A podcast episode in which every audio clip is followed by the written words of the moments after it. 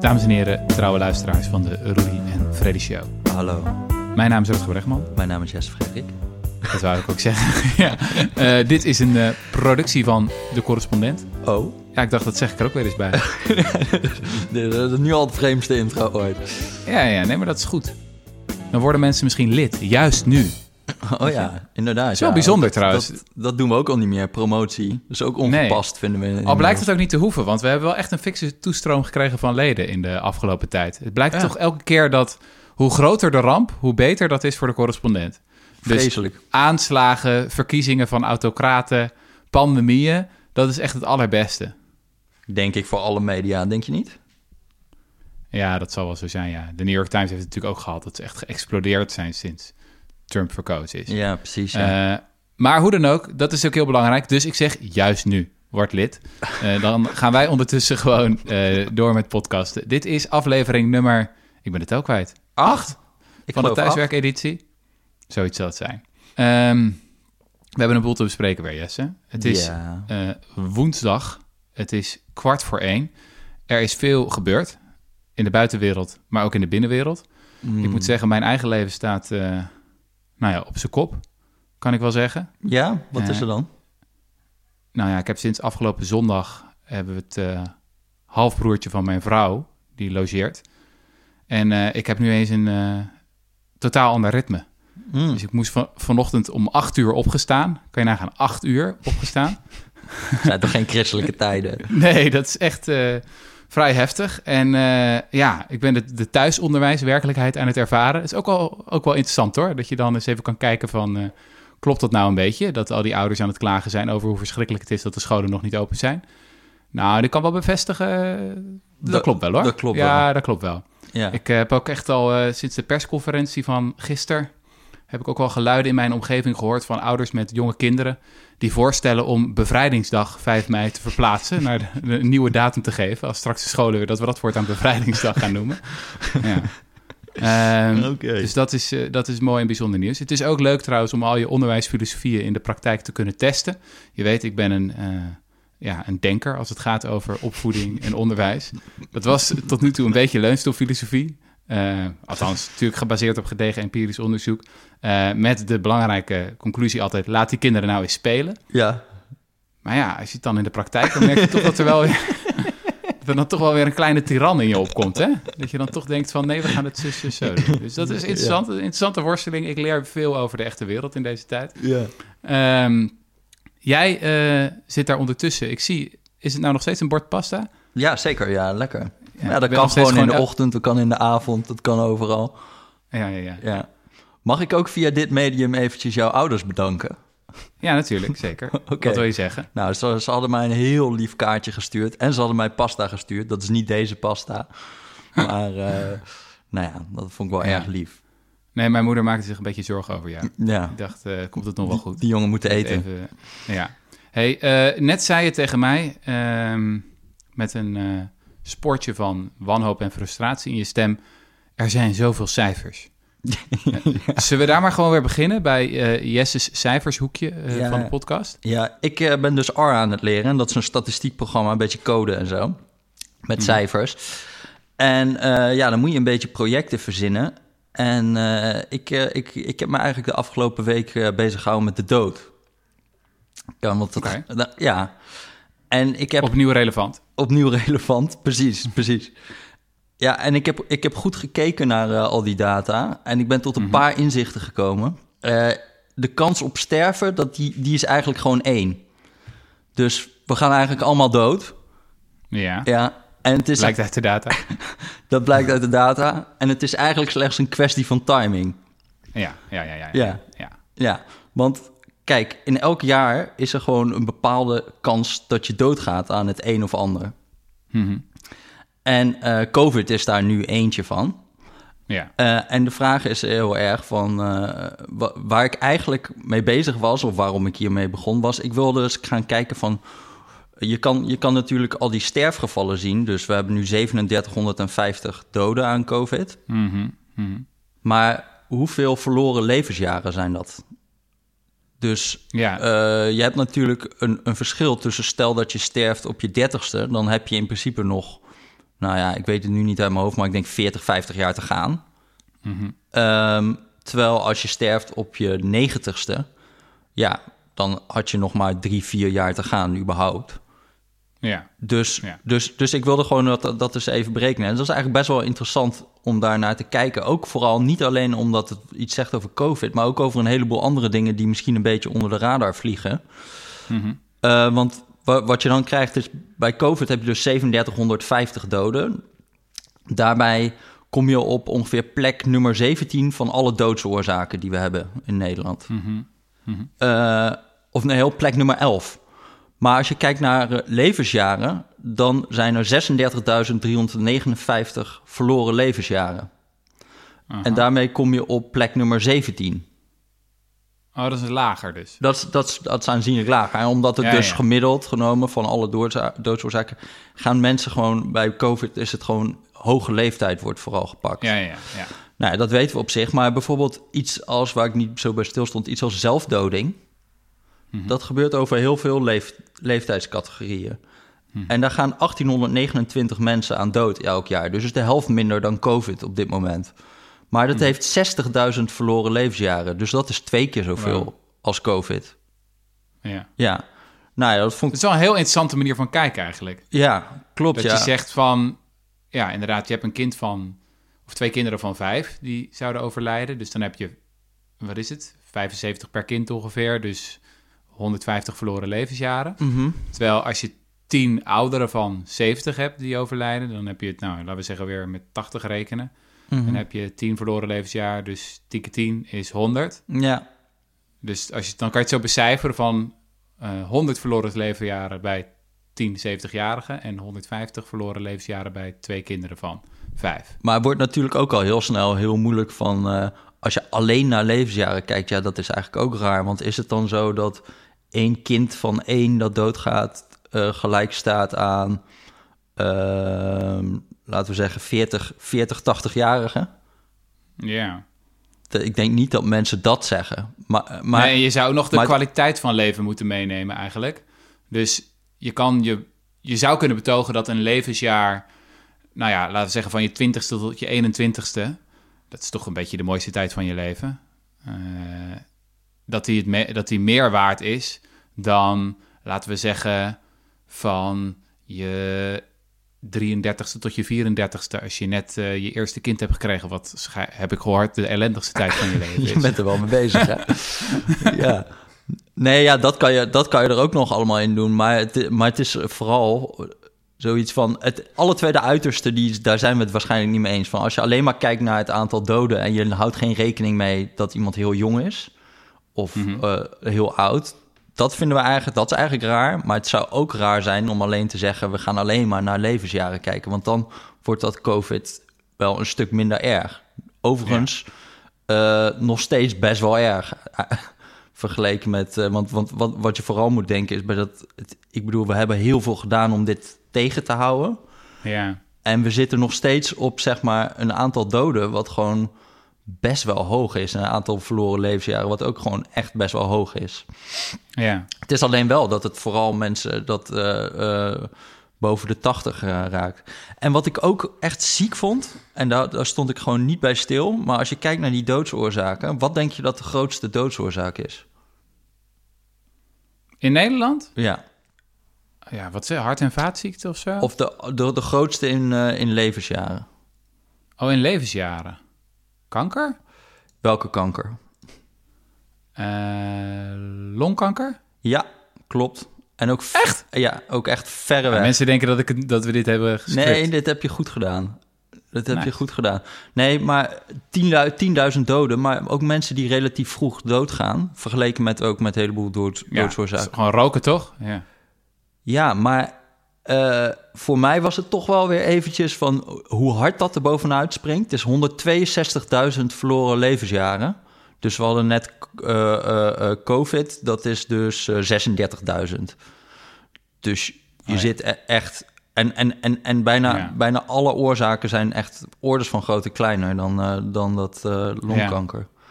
Dus Ja. Dus roken, roken en, en longkanker is gewoon zo'n structurele jaarlijkse slachting eigenlijk, die gewoon elke keer weer doorgaat en doorgaat en doorgaat. Ja, ja, ja, ja. En, dan, en, en natuurlijk ook nog, oh, want, want dat kan ik nog niet eens helemaal zeggen, maar je hebt ook nog dat het andere dingen veroorzaakt, hè, dat roken qua uh, sterfte. Dus ook Mhm. met hart- en vaatziekten en zo zullen mensen daar eerder aan doodgaan. Oh ja. Kijk, het, het, is, het, is, het, is, het is heel duidelijk, bijna bij alles, wat ik ook nog wel interessant vind, is dat gewoon de grootste risicofactor die er is, wat ik ook bedoel met, we gaan eigenlijk allemaal dood, het is een kwestie van timing. De grootste risicofactor is gewoon leeftijd. Bij, maakt bijna niet uit wat je, wat je hebt. Ehm, behalve, dat, behalve dat als je ouder wordt, zelfs gewoon doodvallen of zo. Dat gebeurt al vaker Ja. als je ouder, ouder wordt. Ja, Dus ja het is ook bij, bij heel veel van die mensen die COVID hebben. ehm, je hebt gewoon een, eh, elk jaar heb je gewoon een substantiële kans om dood te gaan als je oud bent. Maar waarom, waarom ging je hiermee aan de slag? Is het omdat er wat, dat je ook geïntegreerd raakte door dat geluid, wat nu steeds ook meer in de media klinkt en waar sommige mensen eh, ja, toch herhaaldelijk op wijzen van zijn we het risico van COVID niet aan het overschatten? Weet je, als sta- staat het nog wel in verhouding dat we zulke gigantische, drastische maatregelen nemen die een enorme impact hebben op de economie, op ons onderwijs, op onze hele samenleving? Ik bedoel, is dat de reden waarom je ermee aan de gang ging? Ja, eigenlijk, ja, eigenlijk ik wil gewoon, ik wil gewoon een beetje een. eh, hoe, hoe moeten we dit plaatsen? In Maar wat is, dan, wat is dan je gevoel? Staat, Maar- het, staat het in verhouding? Want eh, je, je moet natuurlijk ook concluderen dat, ik bedoel, de sterfte was nog veel groter geweest als we al die maatregelen niet hadden genomen. Ja, Ik bedoel, dat vind ik wel irritant dat bij sommige van de, nou ja, de vele roepers die je nu in- aan de zijlijn hoort en die aanschuiven in de talkshows. Weet je wel, die zeggen, ja, het, eh, het valt wel mee en het is te radicaal. Dan denk ik, ja, dat is omdat we die radicale maatregelen hebben genomen. Mhm. Aan de andere kant heb je ook mensen. Ik zag bijvoorbeeld een pleidooi van Robin Fransman. Dat is een econoom, die werkt voor de Argumentenfabriek. Mhm. Dat is, dat is interessant, als je een keer een argument nodig hebt, dan... eh, kan je die daar kopen? ja, in allerhande discussies kan je die daar kopen. Ehm, en hij is eigenlijk gaan rommelen met die data van Sanquin, eh, de, de bloedbank, waar we het vorige podcast ook, ook over hadden. En probeerde, nou ja, een beetje achterkant van een bierveeltje berekening te maken over de kans per leeftijdscategorie dat je wordt opgenomen in het ziekenhuis, dat je naar de intensive care komt en dat je komt te Mhm. En hij zette dat vervolgens tegen de reguliere risico's af die je toch al loopt in het leven. Ja, ja, op ja. overlijden en ziekenhuisopname. En zijn suggestie was van, jongens, dit is zeker voor laatste eh, la- of lage leeftijdscategorieën, is dit echt heel laag. En daarom pleit hij ook voor een ja, soort van 50 min, 60 min samenleving. Dus dat we niet een anderhalve uur, eh, of sorry, anderhalve meter economie moeten hebben, maar eerder een 60 min economie. Mhm. Omdat ja, die risico's zijn in, in zijn ogen acceptabel. Eh, is dat ook de conclusie waar jij dan op uitkomt als je dit soort cijfers analyseert? Nou ja, er zijn een paar, een paar hele moeilijke dingen. Want aan de ene kant denk ik dit, dat er hier wel echt wel wat in zit van de, de, de- risico's zijn zo disproportioneel boven de 80. eh, of boven, ja, boven de 60. Ja, het ligt er een beetje aan waar je de, waar je de grens legt. Maar ik geloof, Mhm. dat er, ik geloof dat er 12 mensen zijn overleden die onder de 45 zijn in Nederland. Nou, dat is heel weinig. En ehm, ik zat te kijken voor ons. Hè. Wij zijn dan, eh, wij zijn dan eh, eh, ik ben 31. Nou, dan heb je 0,05% kans om überhaupt dood te gaan. En, Mhm. en de kans dat je doodgaat aan COVID is 0,00018%. Tot Dus jouw kans hè, maar dat, is verhoogd? niet, maar dat is niet voor, zeg maar... Stel dat je COVID krijgt, dan is het wel weer hoger. Maar op dit moment... Ja, ja, ja, ja, ja. Nee, maar dat moet je doen. Je moet natuurlijk uitrekenen van stel dat je COVID krijgt. Nou, stel kijk. dat we ervan uitgaan dat het virus echt breed gaat circuleren onder jonge mensen. Weet je wel, dat gewoon 50, 60 Ja. procent van mensen van onze leeftijd het krijgt. Hoeveel zou dan de overlijdenskans groeien? Nou, kijk, dat is best wel. eh, nou, we weten dus niet hoe, eh, hoe dodelijk eh, COVID is. En al, het is ook al helemaal moeilijk natuurlijk bij mensen die jong zijn, omdat er heel weinig mensen overlijden. Dus die schattingen zijn onzeker. Maar laten we gewoon nemen, de Lancet, daar stond een studie in. Daar hebben ze gekeken naar Wuhan en die Diamond Princess. En hebben ze gewoon een soort van schatting gedaan over leeftijdscategorieën. Ja. Eh, toen, daar hebben, zeggen ze van, als je in die leeftijdscategorie van ons zit, eh 30 tot 35, dan heb je 0,0844% kans om dood te gaan als je een COVID-infectie krijgt. Nou is de kans is überhaupt in een jaar is 0,05%. Dus eigenlijk krijg je anderhalf jaar aan risico in één, in één keer als jij COVID krijgt. Ja, ja, ja. Dus Ja. dat is best wel hoog. Maar je, ja, ligt eraan hoe kijk je hoe ja, kijk ik vind je het best wel veel eigenlijk hoor. Ik vind het best wel veel. En als je dus Anderhalf jaar laten we zeggen 50 min economie zouden gaan. Als we dat zouden doen, dan zouden dus zou dit voor heel veel mensen gelden. Of laten we zeggen dat alle 50 minners of nou, laten we zeggen alle dertigers dat die het virus zouden krijgen. Mhm. Begrijp ik het dan goed dat dat een verdubbeling van hun sterfterisico zou betekenen? Ja, iets meer dan een verdubbeling Ja. in een gegeven jaar. Maar daarna is het klaar, Ja. hè? dus dus één, één jaar, eenmalig. Ja, en de kans is überhaupt al heel klein. De kans is klein, ja. Dus eh 0,05 procent. Ja, dat is, dat is weinig. Ja, dat is eh Ja, ja. 5 op de 10.000. 5 op de 10.000 gaat Ja. dood. ja. Waar sta jij dan in het debat? Sta je dan meer aan de kant van laten we zeggen, het, eh, het RIVM en het Outbreak Management Team en de lijn die het kabinet nu volgt, van heel voorzichtig de boel weer open doen. Beginnen met scholen en dat dan echt eh, om de dag de helft van de klas eh daar naartoe kan. Ehm, of heb je zoiets van, nou, als ik nu naar de economische schade kijk en hoe radicaal die maatregelen daarin hakken bij grote delen van de samenleving. ehm, misschien moeten we toch nog eens even dit debat wat ernstiger gaan ja, ik, ik neig naar, naar dat tweede heel erg. Ook omdat ik, ik denk... Kijk, je moet het ook gewoon proberen. Hè. We weten zoveel niet. En ik snap helemaal dat je daardoor heel erg verlamd raakt... en heel erg het, het voorzichtigste gaat doen. Maar je moet ook voorzichtig zijn met die, heel die economie. Want daar, daar heb ik het er ook al eens over gehad. Er spelen je gewoon twee voorzorgsprincipes... die keihard op elkaar gaan botsen. Eén, dit virus is eng. Twee, de hele economie la- lam leggen is ook eng. En je hebt geen idee wat dit allemaal gaat doen. Dus ik denk dat we nu een beetje moeten gaan proberen. Wat dat betreft lijkt mij goed om die scholen open te gooien. Daar is toch wel de grootste kans dat dat niet heel erg veel uitmaakt. Ja. Maar ja, weet je wat ook? Weet je, ik, ik, ik zit de hele tijd een beetje een soort van. eh, we hebben een, een, iemand op de correspondent, een epidemioloog, en die geeft heel veel eh, goede commentaren hè, onder de stukken. Jamie Boyas, ik hoop dat hij ook luistert. En die stuur ik dan wel eens gewoon zo'n paper van, nou ja, misschien valt het toch wel mee of zo. Daar komt er eigenlijk een beetje op neer. Van, eh, ehm, en hij mailde mij van, oké, wat je eigenlijk moet afvragen bij al deze dingen is, wat betekent het praktisch? Dus stel dat dit waar is, wat zou het praktisch betekenen? En hoe zeker ben jij ervan dat, dit, dat je hierop zou gaan beslissen om iets anders te gaan doen? Ja. Als jij de minister-president Als jij de was. minister van Ja. president was. En dat is natuurlijk wel Ja. echt, iets, echt iets wat volgens mij meer mensen zich op dit moment moeten afvragen. Het is heel makkelijk om nu voor ons een beetje te gaan filosoferen over moeten we die economie opengooien. Ja. Maar ja, eh, je, je gaat er maar aan staan, zeg maar. Ik, ik heb een Ja, soort van ja, metapunt over alles wat ik nu zeg. Is dat ik er gewoon niet zeker genoeg van ben om, om wat dan ook, zeg maar, met enige zekerheid te geloven. Dus ik heb, een paar, ik heb wel dingen dat ik denk van... ja, ik ben wel sceptisch over hoe pessimistisch al die epidemiologische modellen zijn. Ik ben ook wel sceptisch over... nou ja, dat een heleboel dingen gewoon helemaal niet zo heel veel verspreidingsrisico he- hebben. Maar ik ben ook sceptisch over wat ik daarover weet überhaupt. ja. Dus dat is het lastige. vorige podcast, of een van de vorige podcasten hebben we het gehad over die Libanese statisticus, hè, Taleb. Mhm. Die zei van, je moet ook eh, hele kleine kansen op hele ernstige gebeurtenissen moet je veel serieuzer nemen. Ja, Eh, zoals een pandemie of een zware financiële crisis of een aardbeving of noem maar, maar op. En dat is ook zijn kritiek op veel van het, laten we zeggen, mainstream economische denken of zo, dat dat vaak niet genoeg gebeurt. Mhm.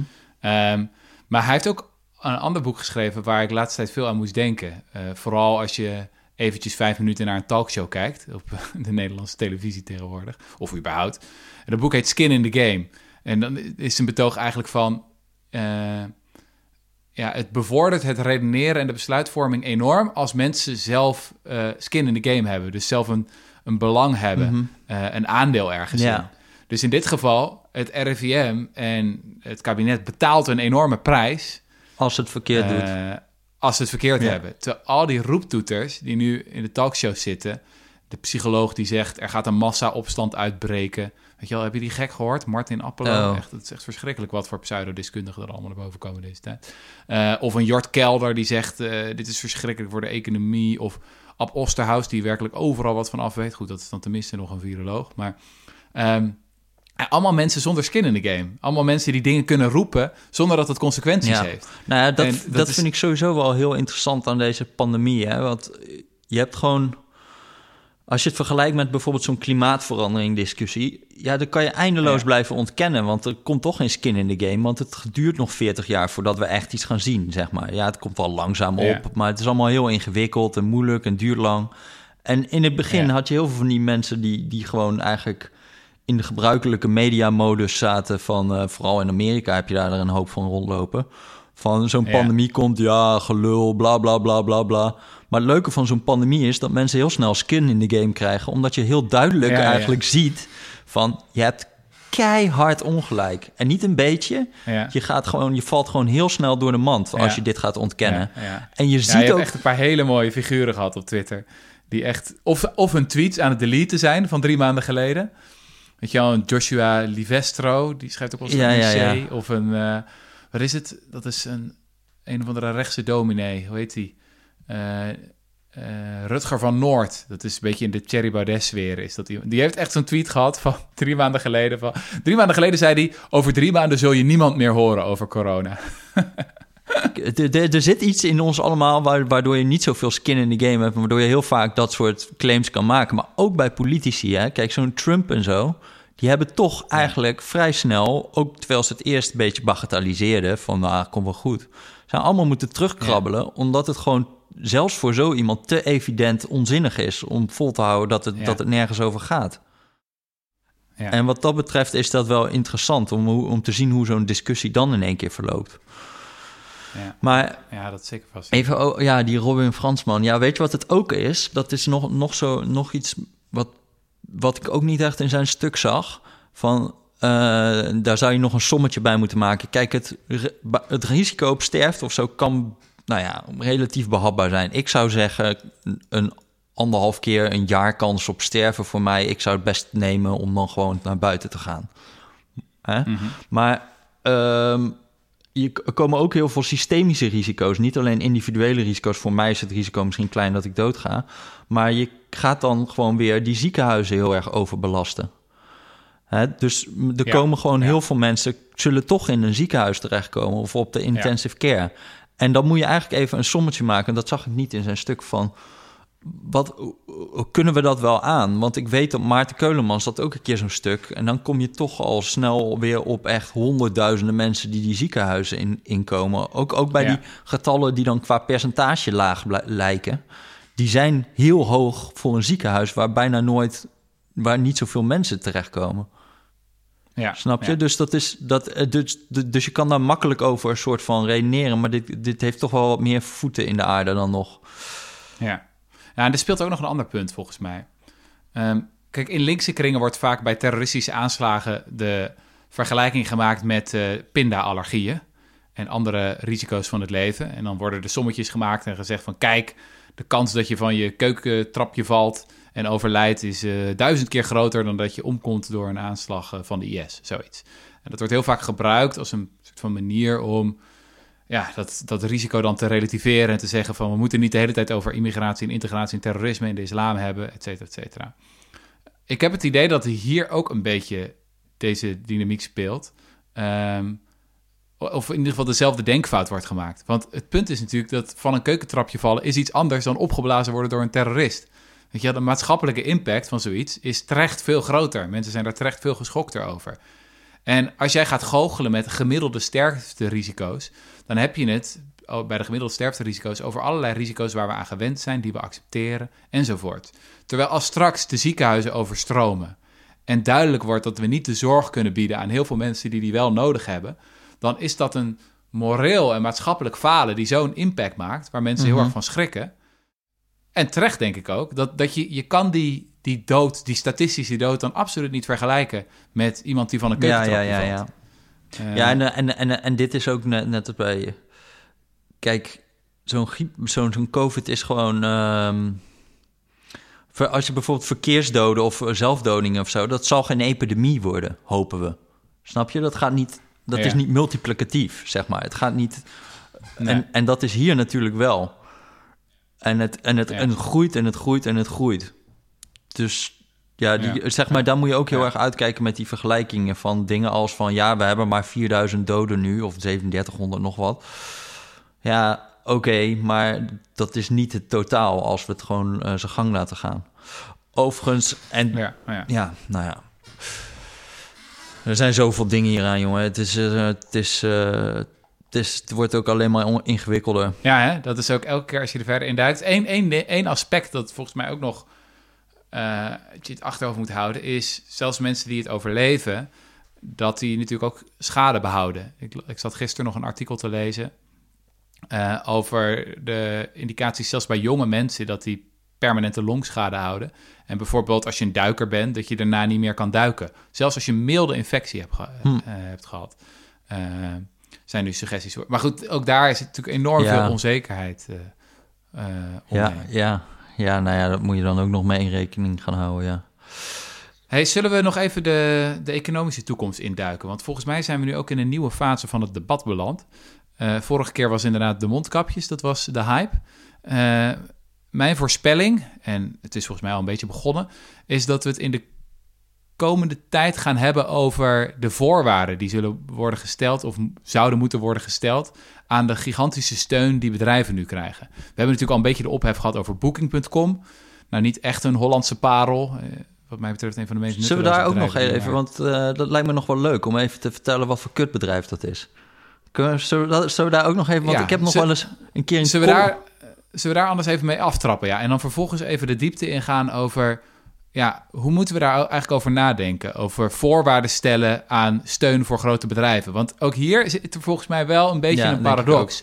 Is dat we hebben het gehad over steun aan individuen en aan ZZP'ers. En zeiden van eigenlijk moet je een soort van de facto basisinkomen invoeren. Want je hebt helemaal niet de bureaucratische middelen om al die Nee. voorwaarden te implementeren. Dus je kan niet van de sociale dienst verwachten dat die van al die ZZP'ers, het zijn er nu al meer dan 200.000 die, die extra steun hebben aangevraagd, ehm, dat ze die allemaal gaan controleren en de tandenborstel Mhm. stellen en noem maar, maar op.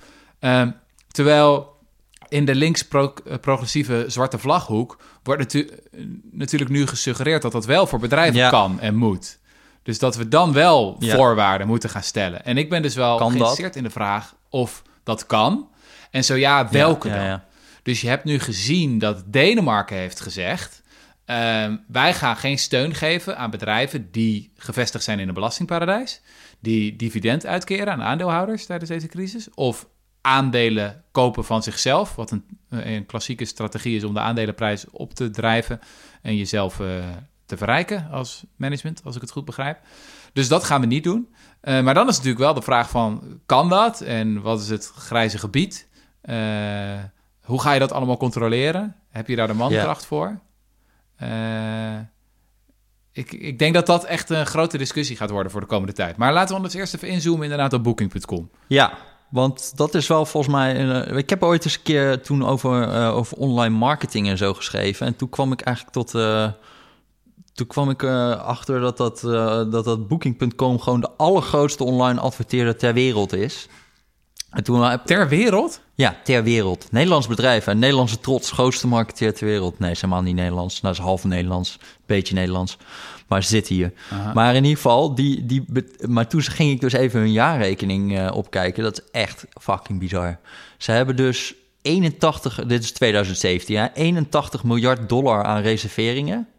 Komen daar binnen 81 miljard dollar. En daar hou- houden ze zelf 12,4 miljard euro aan over. Dus ze hebben gewoon Wat is reserveringen? Je moet eerst Oké, dus, dus je gaat naar booking.com, dan reserveer je een auto of een appartement of een hotel. Oh, Snap ja, je? Nou, het is Ja, 81 miljard in totaal aan reserveringen. Nou, daar houdt ze zelf commissie aan over. Dus zij vraagt daar een bepaald percentage van. Dat is 12,4 miljard.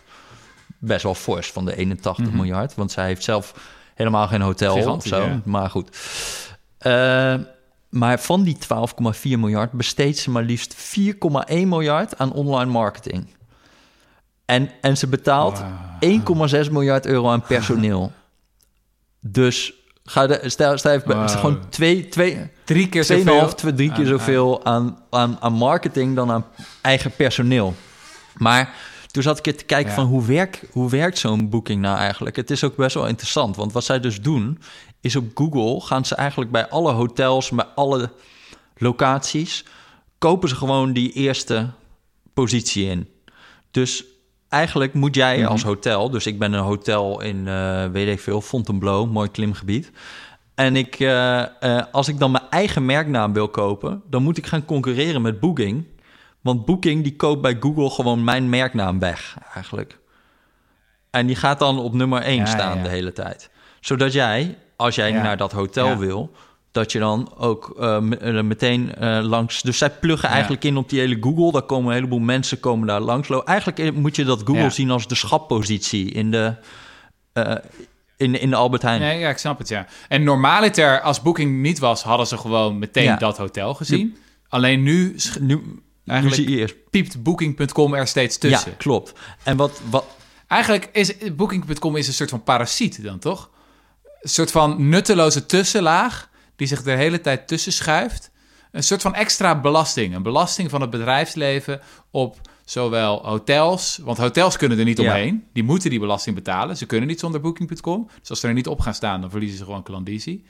En consumenten kunnen er ook niet echt omheen... omdat ze gewoon helemaal kapot worden gespamd door Booking.com. ja, nou ja, dan kan je altijd zeggen, je hebt wel een keuze. En dat is natuurlijk ook een beetje... Maar weet je wat ook is? In deze markt werkt dat heel erg. Omdat eh, normaal heb ik bijvoorbeeld een, een best wel sterke voorkeur voor een een of andere webshop of zo.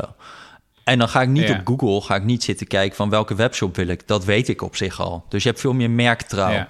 Daar boeit het minder. Ja. Bij vakanties is allemaal eenmalig, vaak. Je gaat maar één keer naar Thailand toe en dan één keer naar die locatie. Dus bijna alles gaat via Google. Dus daarom werkt het hier Ja. ook zo, heel, zo enorm goed. Ja. En wat, er zijn ook nog heel, best wel interessante mededingingsdingen. Want wat Booking ook heel lang deed, is gewoon afspreken met die hotels. Als jullie bij ons op de website willen, wat moet, want anders dan ga je kapot.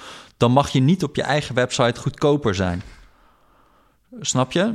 Dus, want anders zou je Mhm. nog kunnen zeggen van... eh, ja, nou, toen heeft de Europese Commissie gezegd van... nee, dat, eh, daar zijn we, dat vinden we niet goed. Er komt een mededingingsuitspraak over. Overigens, toen ik die mededingingsuitspraak probeerde op te zoeken op, eh, op het internet... werd ik weer helemaal kapot gespamd door Booking-reclame. Dus zelfs, zelfs die eh, namen hebben ze blijkbaar te pakken. Maar... ehm, Ja. eh, maar nu, wat ze nu dus doen, is als jij meer commissie geeft aan Booking, dan kom je beter in de Mhm. zoekresultaten op Booking. En als jij dus eh, op je eigen website een wat lagere prijs rekent, Ja, ja, of op ja. andere Booking websites een lagere prijs rekent, dan kom je helemaal onderaan de zo- zoekresultaten. Dus nu gebruikt ze, gebruikt ze eigenlijk haar macht weer om daar eh, in te zitten. Maar kijk, je zegt van het is een beetje een parasitair ding. Dat is het ook best wel. Dat, het is, ik bedoel, 12,4 miljard euro houdt, dollar houdt eraan over. En je kan je afvragen, ja, voegen ze 12,4 miljard dollar aan waarde toe? Of is dit gewoon waarde verschuiven? Dit zijn gewoon... Ja, ze voegen misschien wel iets toe. Het is, ik bedoel, het is een super hysterische website waar je helemaal kieren dat ook helemaal... Maar het is misschien wel chill om één app te hebben waarin je je boekingen doet als je op een weet ik veel een zakentrip gaat of zo, of als je het eenmaal. Ja, nee, la- la- laten we eerlijk zijn. Hè, die websites van niet. hoteliers, dat blinkt echt niet uit in gebruiksvriendelijkheid heel vaak. Hè? Nee, Kijk, kan in is zo, boek, ja. Dus ze voegen wel iets toe. Je moet zeggen dat ze iets ja, doen. zeker. En het is ook handig van Ja. dat je al die recensies en zo en gerangschikt op kwaliteit en bla bla bla bla bla. Nou ja, dat is allemaal, dat is allemaal wel fijn. Maar het staat in totaal niet in verhouding. Dus hetgene wat ze toevoegen, dat is nou, een fractie van die 12, nog wat Ja. miljard. Maar dan zou je kunnen betogen dat het eigenlijk dit soort eh, platforms zijn wat economen eh, natuurlijke monopolies noemen. Dus het is het van logisch dat het een monopolie is, want iedereen gaat bij elkaar zitten op het platform waar iedereen Mhm. al zit. Eh, en het klassieke argument van economen eh, al sinds de 19e eeuw is toch dat je dat soort natuurlijke monopolies moet reguleren of misschien zelfs publiek Ja. maken. Nou ja, weet je wat ik een mooi... Dus om even een radicaal voorstel erin te gooien, zou niet juist Booking.com nu in deze crisis, nu het ook vraagt om gemeenschapsgeld, Hey, nou ja, misschien moeten ze gewoon stevig gaan betalen in aandelen. dit is een mooi bruggetje. Dat had ik niet, die eh, voel ik niet. Want dit is precies wat ik zou denken eigenlijk bij heel veel van die staatssteun. Neem gewoon aandelen. Gewoon niet, je gaat niet met al die voorwaarden van geen bonussen, geen aandelen inkoop, weet ik veel wat. Je zegt gewoon, oké, we gaan gewoon, we zijn ook een zakelijke overheid. We staan er ook lekker zakelijk in. Jullie gaan nu enorm veel geld van ons krijgen. Prima, dan willen we ook aandelen. We willen een belangetje hebben in jullie, eh, in jullie onderneming. Nou, een belangetje. Zeg maar gewoon een, niet een corporate takeover, maar gewoon een public takeover. Ja, en nou ja, en dan gaat dus ook, en zo hoort het in het kapitalisme, dan gaan eigenlijk die aandeelhouders, die gaan er keihard op achteruit, want hun aandelen verwateren. Dus er komen, worden meer aandelen uitgegeven, die koopt de overheid. Dus dan gaat eigenlijk de aandelenkoers nog veel verder omlaag. Ja. Uh, dat is precies de bedoeling, want zij moeten als eerst schade lijden, want zij hebben, Ja. zijn immers de risicodragers. Ja, ja, Ehm, ja. Dat is de, de bail-in, is dat. Dus na de financiële crisis hadden we een bail-out. Ja. Dan kregen de, de, de aandeelhouders, die werden eigenlijk gered. Nee, niet de aandeelhouders, Met- want die waren ook wel de zak, maar de obligatiehouders, dus mensen die Oh ja. schulden hebben, die moeten eigenlijk dan ook bloeden, maar dat deden ze niet echt. Dus je hebt mensen, je hebt mensen die hebben ook leningen aan, eh, eh, ik weet niet of dat bij Booking is, maar je hebt mensen die hebben aandelen, dan heb je mensen Ja. die hebben leningen, dan heb je mensen die hebben eh, leningen die met een hypotheek verzekerd zijn of weet ik veel wat. En zo heb je een hele hiërarchie van schulden die iemand heeft.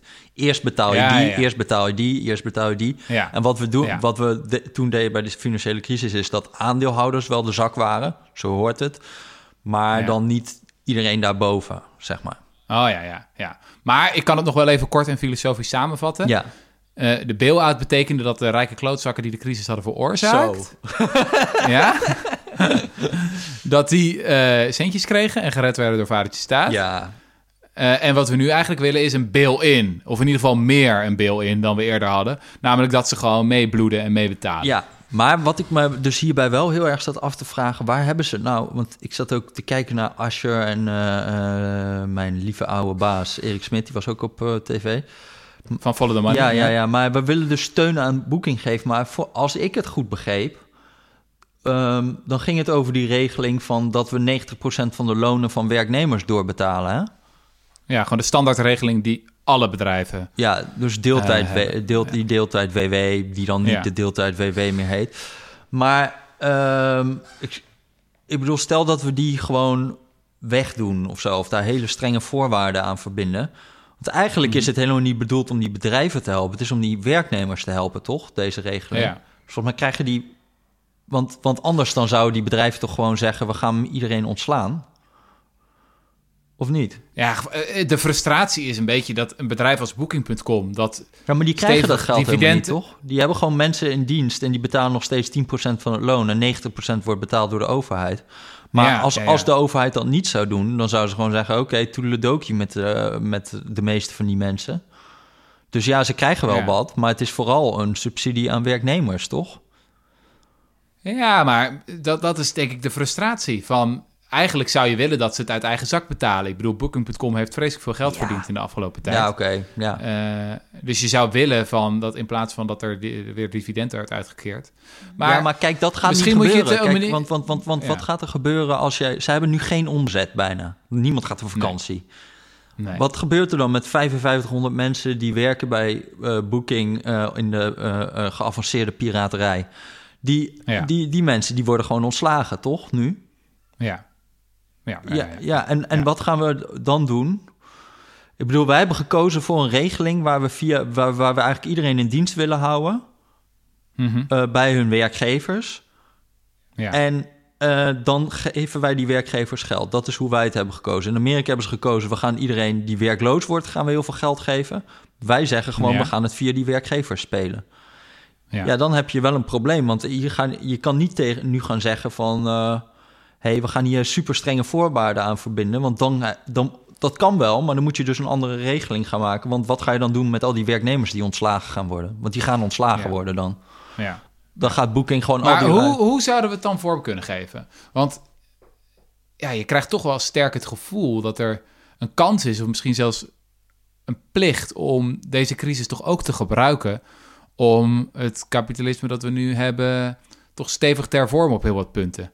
Ik bedoel, het is wel heel verleidelijk om na te gaan denken van... oké, al die bedrijven die staatssteun krijgen... nou, wat zullen we ze allemaal nog meer eh, vragen? Misschien balkenende-normpje voor de CEO. Waarom zou dat niet kunnen? Ehm, ja, of überhaupt een soort van eh, nadenken over hoe de investeringen die de staat nu gaat doen. Ik bedoel, er wordt op, op kosten van. Hoe zeg je dat? De jonge generaties. Hoe zeiden ze dat altijd na de, na de crisis? Ik bedoel, het zijn enorme schulden die eh, de staat aangaat. Publieke schulden. En ja, je, je zou toch ook willen dat die uiteindelijk een duurzaam rendement opleveren. Dus dat er een stimulans bij zit voor bedrijven om zich duurzamer op te stellen. Of belangrijk werk te doen dat bijdraagt aan de, of het nou klimaatverandering is, of, noem maar andere grote thema's waar we voor staan. Ik bedoel, is, dat is, dat is de, de vraag waar ik, waar ik mee zit. Van, zou dat kunnen? We hebben het in de podcast wel eerder gehad over die Italiaanse economen, Mariana Mazzucato. Die zit dat nu ook steeds te twitteren en het ene na het andere opiniestuk. Die zegt van oké, nu moet de staat inderdaad ook die ondernemende, sturende staat zijn die dit moment, waarop het de beurs opentrekt en gigantische miljarden aan de, uh, hoeveelheden miljarden aan het rondstrooien is, moet het nu ook zeggen van oké, dit is de richting waar we naartoe willen.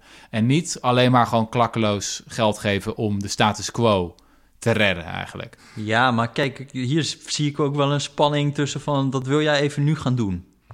We gaan nu even enorm richting geven. Er is toch een beetje een soort van crisissituatie, toch? Van hoeveel, waar, waar denk je dan precies aan? Nou, je kan ook in eerste instantie eh, natuurlijk werken met: oké, er is een crisissituatie, dus we geven leningen, we, we, we, geven die liquiditeit.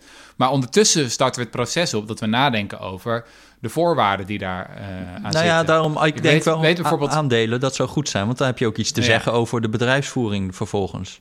Ja, er komt een uh, opiniestuk, als het goed is, zaterdag in de Volkskrant van Ewald Engelen uh, en Marcia Luiten en Jeroen Smit. Mm Die eigenlijk zeggen van de pensioenfondsen zouden hier misschien ook een rol in kunnen spelen. Omdat pensioenfondsen überhaupt al geneigd, geneigd zijn, of, of het is in ieder geval een taak om na te denken over de lange termijn. Hmm. En dat die misschien mee kunnen denken aan, ja, wat zijn soort van het, het pakket van voorwaarden dat je, dat je erbij kan uh, ja. doen. Maar ik denk hoe dan ook dat dit echt wel de, de grote discussie gaat worden de komende tijd. Van Komen er voorwaarden? En zo ja, welke? Hoe geef je het vorm? Ja, weet je wat ik wel... als het kan, is het natuurlijk wel echt een mogelijkheid... om op de lange termijn hele grote impact te hebben. Ja, ja ik, ik zit hard op na te denken ook. Hè, maar, want ik weet, weet het ook nog niet zo goed. Maar uh, het is natuurlijk wel, je, we hebben alles gezegd van alles wat je nu kiest om te doen, dat heeft ook implicaties voor later, omdat je ergens aan vastzit aan een bepaalde koers. Hè? Net zoals met het toetsenbord, die QWERTY-toetsenbord, daar zitten we met een Q, een W, een E, R, E, een R en een T en een Griekse I. Niet omdat dat optimaal is, maar gewoon omdat dat ooit gekozen is en nu kan iedereen het, heeft dat iedereen het al zo. Dat hebben wij ook een klein beetje nu met de manier waarop wij hebben besloten om. Uh, uh, eigenlijk bedrijven te gebruiken om die werknemers te betalen. We zeggen, hou al die werknemers op je eigen uh, loonlijst. Ja. Dat is prima als dit twee, drie maanden zou duren. Maar wat als dit een jaar duurt? Is heel raar. Ja, ja, dus, het is heel... Oh, maar dat is fascinerend. Dus impliciet hebben we daarmee gekozen voor de status quo. Een beetje wel, ja. Nou ja, kijk, het, is, het was waarschijnlijk goed. Het, het, je hebt er eigenlijk een soort van timing ding, denk ik, meegekozen. Want als het heel lang duurt, is dat heel onverstandig. Want dan ben je echt iets raars aan het doen. Hoe kan je nou Booking 5500 mensen gaan helpen om in dienst te houden als er gewoon een jaar geen omzet is? Dat zou absurd zijn. Mhm. Eh, in Amerika hebben ze eigenlijk dus gekozen om we gaan gewoon unemployment insurance gaan we enorm hoog doen. Daarom zie je daar ook 15 miljoen werklozen. Ja, we laten veel minder mensen werkloos worden, maar die geven we volgens een inkomen. Dat zeggen zij, we laten heel veel mensen juist werkloos worden. Ja, ja. En wij, Zeggen, wij zeggen gewoon van, we zorgen dat niemand werkloos wordt. Maar we spelen het via de bedrijven. En dat gaat nu discussie opleveren, omdat wij dan zeggen, ja, maar we zijn die bedrijven in stand aan het houden. Maar het is moeilijk om hier een soort van iets anders te gaan kiezen, want dan moeten we eigenlijk het hele stelsel weer omgooien. Snap je? Ja. Ja, ja, ja. Maar of, of, of moet, maar dat, dit, dit is hardop denken hoor, maar of er moet nog een of andere slimmigheid zijn om dit anders te doen. Die zal er vast zijn. Ja. Maar dat kan ik nu niet bedenken. Nou, en het lijkt me lastig om de lijn te trekken. Dus je hebt bedrijven waarvan je denkt, nou prima dat die wat steun ontvangen. En nou, ik hoef het ook niet terug te zien hoor, na de crisis. Weet je, als je een uh, leuk horecabedrijfje hebt of zo, dan denk je van, nou, weet je, uh, we hebben het er niet meer over. Maar je hebt natuurlijk ook bedrijven waar je eh, er heel anders over denkt. Maar de vraag is, waar ga je precies de lijn trekken? Nou, ik zou gewoon En zeggen aandelen ook- bij iedereen. Eigenlijk, als je gewoon bij iedereen aandelen hebt, ja, als het een enorm winstgevende onderneming is, dan krijg jij meer als staat. Als het, als het totaal eh, verlieslatend is of het gaat failliet, dan Ja. verlies je als staat. maar ook, gewoon ook bij ieder café, restaurant op de hoek van de straat. Waarom eigenlijk niet? Ja, weet ik ja, ik weet, ik weet, weet ik eigenlijk Ja. ook niet zo goed. Ik weet niet of ze daar heel veel last van hebben. Misschien- En, ja, misschien is dat uitvoer niet echt heel makkelijk uitvoerbaar. Ja. Het is in ieder geval heel erg een politieke keuze ook. Ik zat ook te denken Ja, maar je kan, ook zeggen, je kan ook zeggen, je geeft dan geen stemrechten. Dus bijvoorbeeld onder een bepaald bedrag aan omzet zeg je gewoon, we willen wel aandelen, maar geen stemrecht. Dus dan mogen ze het Ja. verder uitzoeken. Maar als er geld uitkomt, dus iemand gaat winst uitkeren of zo, ja, dan krijgt de overheid Ja. ook wel geld. Maar ze gaan niet over de be- besluitvorming van zo'n onderneming zitten beslissen, want dat is een beetje eng. Ja. Maar bij, ik denk Ja. bij grotere bedrijven vind ik dat wel redelijk. Ja. ja, en dat is de grote vraag: van hoe ga je dat allemaal vormgeven? Ik zat ook nog te denken, overigens, dat als je het hebt over een eh, dividend uitkeren, bijvoorbeeld, hè, dat willen we dan nu in principe niet. Dat als er stevige staatssteun komt, dat in hetzelfde jaar dividend wordt uitgekeerd aan aandeelhouders. In Denemarken hebben ze daar dan, willen ze daar een verbod op doen. Maar daar is weer de vraag van hoe controleer je dat precies? Ik kan me vooral voorstellen dat bij wat kleinere of, of middelgrote ondernemingen, dat het, ja, hoe ga je dat allemaal in de gaten Nou ja, we hebben dividendbelasting, dus in principe zie je het gewoon moet op de aangifte komen. Maar dus dat, dat is denk ik nog niet het moeilijkste daaraan. Maar ik, ik dacht al wel weer bij zoiets als, dat zijn dingen die heel goed klinken, maar qua uitvoerbaarheid, dan kom je al heel snel op ingewikkelde dingen. Jij zei net dat ze zeggen, je mag niet in een belastingparadijs zitten. Ja, nou in Nederland mag je dan niet in Nederland. Nou, dat begint ook wel minder te worden. Maar inderdaad, ja, maar, maar eh, wat, wat bedoel je daar precies mee? Want ik bedoel, het zijn Nederlandse ondernemingen, toch? Dus dan zitten ze al niet op Bermuda. Of moet er een dochteronderneming zijn die daar dan zit? Wat is dan überhaupt een belastingparadijs? Dat is ook Ja, niet een soort ja, ja. 0-1 kwestie. Eh, dan, Ja. En dan heb je nog de vraag, eh, zoals met bonussen is precies hetzelfde. Wat is dat dan? Wat bedoel je dan precies? Ja, ja. Maar ehm, ik heb nog een laatste oproep aan de luisteraars. Oh, voordat we gaan afsluiten. Want ik ben dus heel benieuwd wie nu de mensen zijn, eigenlijk achter de schermen, misschien bij het ministerie van Financiën. Of ja, in Nederland hebben we niet echt een denktankcultuur. Dat zou dan meer in de VS of het Verenigd Koninkrijk aan de hand zijn. Maar wie zijn nu soort van die policy briefings aan het schrijven? Want dat zijn nu zulke belachelijk invloedrijke mensen. Als je nu in de beleidsvorming zit voor het vormgeven van nou ja, allerlei steunpakketten... of als we nog verder een miljarden en miljarden gaan uitlenen... en nadenken over de voorwaarden die aan zitten. Echt, de mensen die dat nu aan het bedenken zijn... zijn echt belachelijk invloedrijk, volgens Mhm. mij. En sterker nog, voor een deel zullen die ideeën al eerder bedacht moeten zijn. Weet je wel? Waar we het eerder ook in de podcast over hadden van... wat Milton Friedman, de grote neoliberale econoom, zei... Tijdens een crisis hangt alles af van the ideas that are lying around. Weet je, die ideeën die al eerder zijn bedacht, maar die nu geïnjecteerd kunnen worden Ja. eigenlijk. En dat, daar ja, ben ik wel echt ja, gefascineerd ik ben ook wel benieuwd. door, door die vraag. En van, ik ben ook benieuwd of ze de Rudy en Freddy show luisteren. Dat kan eigenlijk Maar niet kan eigenlijk. Nee, dat zijn, die, die twee gasten die zoveel skin in de game hebben... die zullen ongetwijfeld eh, Ja. zeer serieus worden genomen in. Den Haag. Eh, yes, ik heb weer van je genoten. ja, ik ook van jou, eh. Het was mooi. Nou, eh tabé jongen, het, het gaat je goed. Insgelijks. Doei. Zet maar op stop de record. Yo.